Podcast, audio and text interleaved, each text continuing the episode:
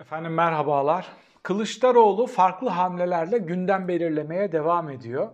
Çıkıp bir devlet kurumunu ziyaret ediyor, gündem oluyor. Hazineden hesap soruyor, ne yaptıklarını araştırıyor, gündem oluyor. Anayasaya uyacaksınız yoksa hiç iyi olmayacak diyor, gündem oluyor. Hadi bunlar sert hamleler kısmen ama çıkıp helalleşeceğiz diyor. Bu da gündem oluyor, tepki alıyor. İki farklı yerden tepki aldı Kılıçdaroğlu. Bunları yorumlayacağım. Helalleşmenin ne anlama geldiğini size yorumlayacaktım ama bugün kendisi tafsilatlı bir açıklama yaptı. Helalleşme hukuki bir prosedür değil. Yani hesap sorulacak olanlardan hesap sorulacak.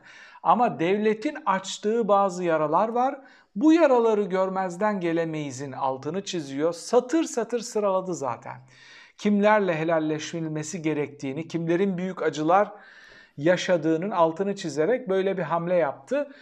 Bunun ne anlama geldiğini, Kılıçdaroğlu'nun netice alıp alamayacağını ve AKP'den önce niçin kendi partisinden çok erken bazı aktörlerin sokağa atlayarak, sosyal medyaya atlayarak Kılıçdaroğlu'na tepki verdiğini yorumlamaya çalışacağım. Bakın Anadolu solu diyerek yola çıkan, Türkiye'nin gerçeklerine göre seküler sol siyaset yapan Ecevit %49'lara ulaşmıştı. Zirveye çıkarmıştı Türkiye'de CHP'yi, birinci parti olmuştu. Şimdi Kılıçdaroğlu benzer bir yoldan gitmeye çalışıyor. Ecevit 70'li yıllarda öyle popüler olmuştu ki sağ seçmenin çocukları, gençler bile ona imrenerek bakıyordu. Bilge bir adam, dolu dolu konuşan, cıvıklık yapmayan, işte devletin çıkarlarıyla dini söylemlere radikal karşıt söylemler geliştirmeyen, insanların dini inançlarını anlamaya çalışan bir söylem geliştirmişti. Şimdi Kılıçdaroğlu da benzer hamleler yapmaya çalışıyor. Peki Kılıçdaroğlu ikinci bir Ecevit etkisi yapabilir mi? Türkiye'den o kadar güçlü bir aksi seda duyabilir mi? Ve Kılıçdaroğlu başarılı olabilecek mi sorusunu yorumlarken kendi partisi içindeki ulusalcı çizgide konuşlanmış olan aktörlerin niçin bu kadar sert tepki verdiğini ve diğer farklı başlıkları özetliyorum.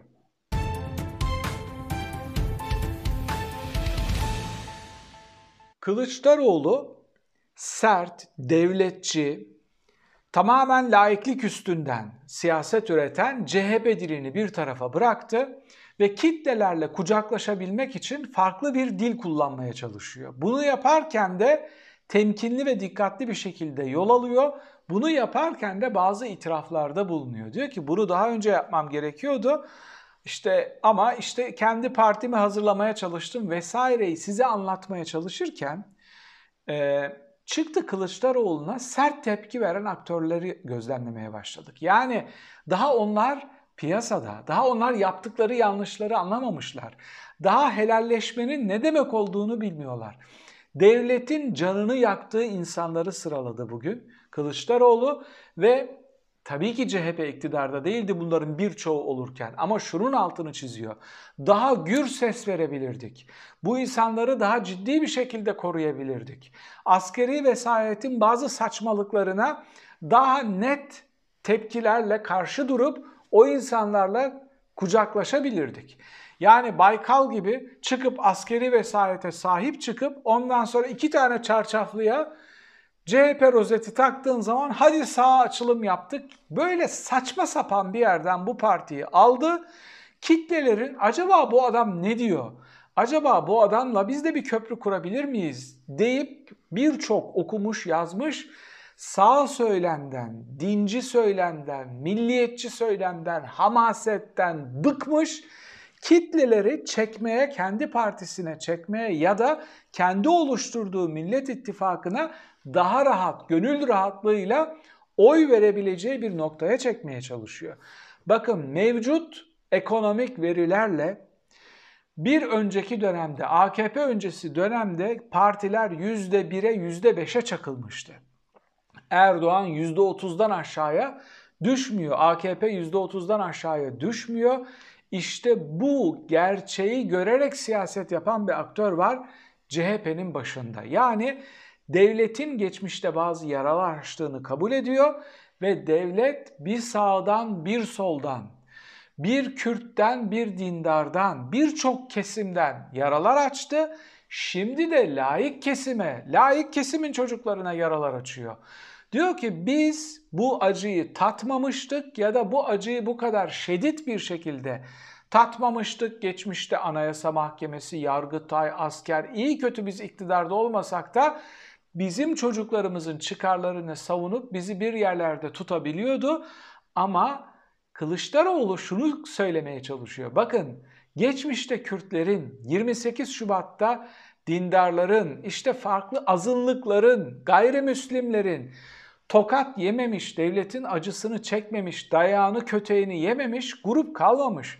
Biz bunların birçoğunu yapmamış olsak da daha güçlü ses çıkartmadığımız ve bugün onların durumuna düştüğümüz için helalleşmemiz gerekiyor diyorum diyor.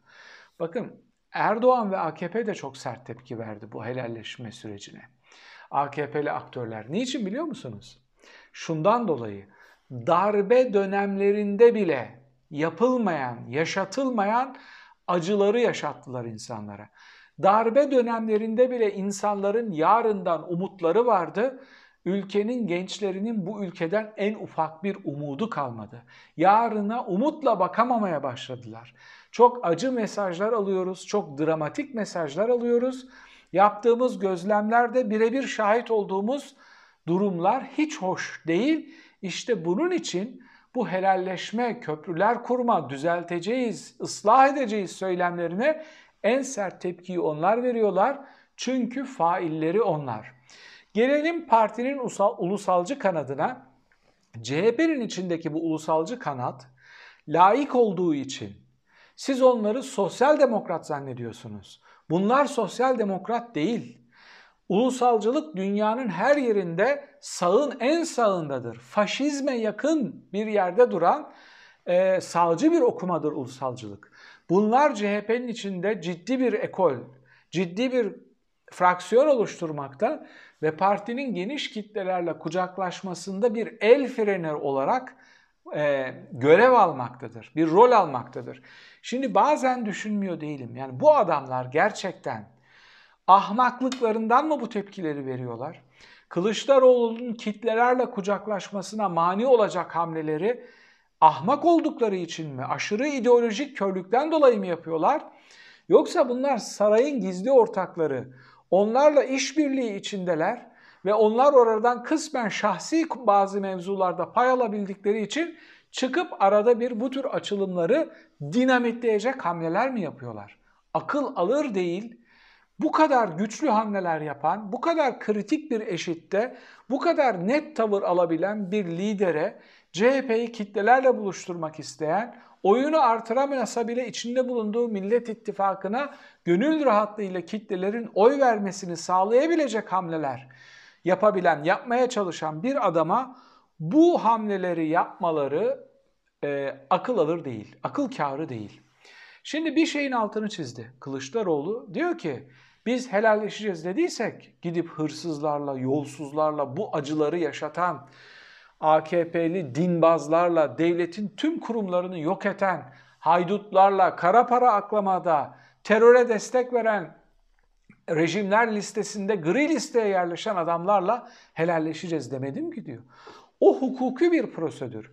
Hukuki prosedürle acılarını dindiremeyeceğimiz insanlarla helalleşeceğim diyor. Şimdi burada bir bilge bir devlet adamı duruşu görmüyor musunuz? Karşınızdaki adam sanki partisiz bir cumhurbaşkanı gibi konuşuyor. Bir ana muhalefet lideri. İşte çatışma üstünden siyaset yapıp o devşirmeye çalışan bir aktör değil de Cumhurbaşkanlığına oturmuş, toplumun dört bir yanına pozitif mesajlar veren bir adamı gözlemliyoruz. Bakın kimleri sıraladı? En önce 28 Şubat mağdurlarıyla başladı. Onlarla helalleşeceğiz. O işte ikna odalarına tıkılıp psikolojileri bozulan ve kariyerleri yok edilen on binlerce genç kızla helalleşeceğiz. Roboski ile helalleşeceğiz. Sivil insanların savaş uçaklarıyla vurulduğu insanlarla helalleşeceğiz. Onların aileleriyle helalleşeceğiz. Sivas'la, Kahramanmaraş'taki acılı aile, Alevi ailelerle çocukları devlette kariyer yapmakla Önleri kesilen Alevi ailelerle helalleşeceğiz. Mahalleleri gasp edilen romanlarla, varlık vergisi koyulan azınlıklarla, darbecilerin bir sağdan bir soldan asıp mahvettiği insanlarla helal. Yani liste o kadar uzun ki herkesi sıraladı, herkese bir bilge bir devlet adamı gibi mesaj vermeye çalıştı. Bu etkileyici tavrı devam ettirirken, kitlelere ulaşmaya çalışırken şunu artık net bir şekilde görüyoruz. Son ana kadar Kılıçdaroğlu şansını zorlayacak Millet İttifakı'nın adayı olarak e, Cumhurbaşkanlığını yarışında meydana inmeye çalışacak. Bu yüzde yüz mü? Bence bu Kılıçdaroğlu'nun kafasında da yüzde yüz değil. Yani erken seçim kararı alındığında nasıl bir Türkiye olacak? Rakipleri nerede duracak? Ekonomi nerede duruyor olacak? Millet İttifakı'nın diğer önemli aktörleri ne diyor olacak gibi birçok soru var. Ama bir aday adayıymış gibi yani eşitler içinde bir eşitmiş gibi kendi PR'ını da yapıyor, kendi dersini de çalışıyor ve bir şekilde aday olabilmek için önemli hamleler yapıyor. Aday olup olmaması çok önemli değil. Millet İttifakı'na ben CHP orada olduğu için oy vermem diyen insanların ezberlerini bozmaya başladığı için o insanları daha sempatik bir mesaj vererek Millet İttifakı'na doğru çekmeye başladığı için bu çıkışların çok önemli buluyorum. Altını çizerek söylüyorum. Yaptığı hamlelerin hepsi tarihi hamleler. Hepsi ileride otoriter bir rejim nasıl sandıkla yenilir diye başarılı olabilirlerse ders olarak okutulabilecek bir serüven, bir süreci hep birlikte takip ediyoruz. Efendim bu videoda sizlere Kılıçdaroğlu'nun helalleşme hamlesinden kim ne anlamalı, kim ne anlıyor, kendi partisi içinden çıkan ya da kendi partisine yakın aktörlerden çıkan e, negatif seslerin, eleştirilerin ne anlama geldiğini, Erdoğan ve AKP'nin bu çıkıştan niçin rahatsız olduğunu özetlemeye çalıştım. Sorum şu, sizce bu helalleşeceğiz teklifi CHP dışında kalan toplumun farklı kesimleri üstünde etkili oldu mu? Onlar CHP'ye ve Kılıçdaroğlu'na kısmen daha sempatik bakmaya başladı mı? Çevrenizde gözlemlediğiniz, fikirleri değişen, değişebilen aktörler, insanlar, seçmenler var mı? Hep birlikte yorum köşesinde bu mevzuyu tartışabiliriz. Yarın vaktim olursa sizlere yakaladığım çok önemli bir detayı yorumlayacağım. Aslında bugün bu çıkışı yapmasaydı o detayı sizinle paylaşacaktım. Önemli olduğunu düşünüyorum. Bir sonraki videoda tekrar birlikte olmak üzere efendim. Hoşçakalın.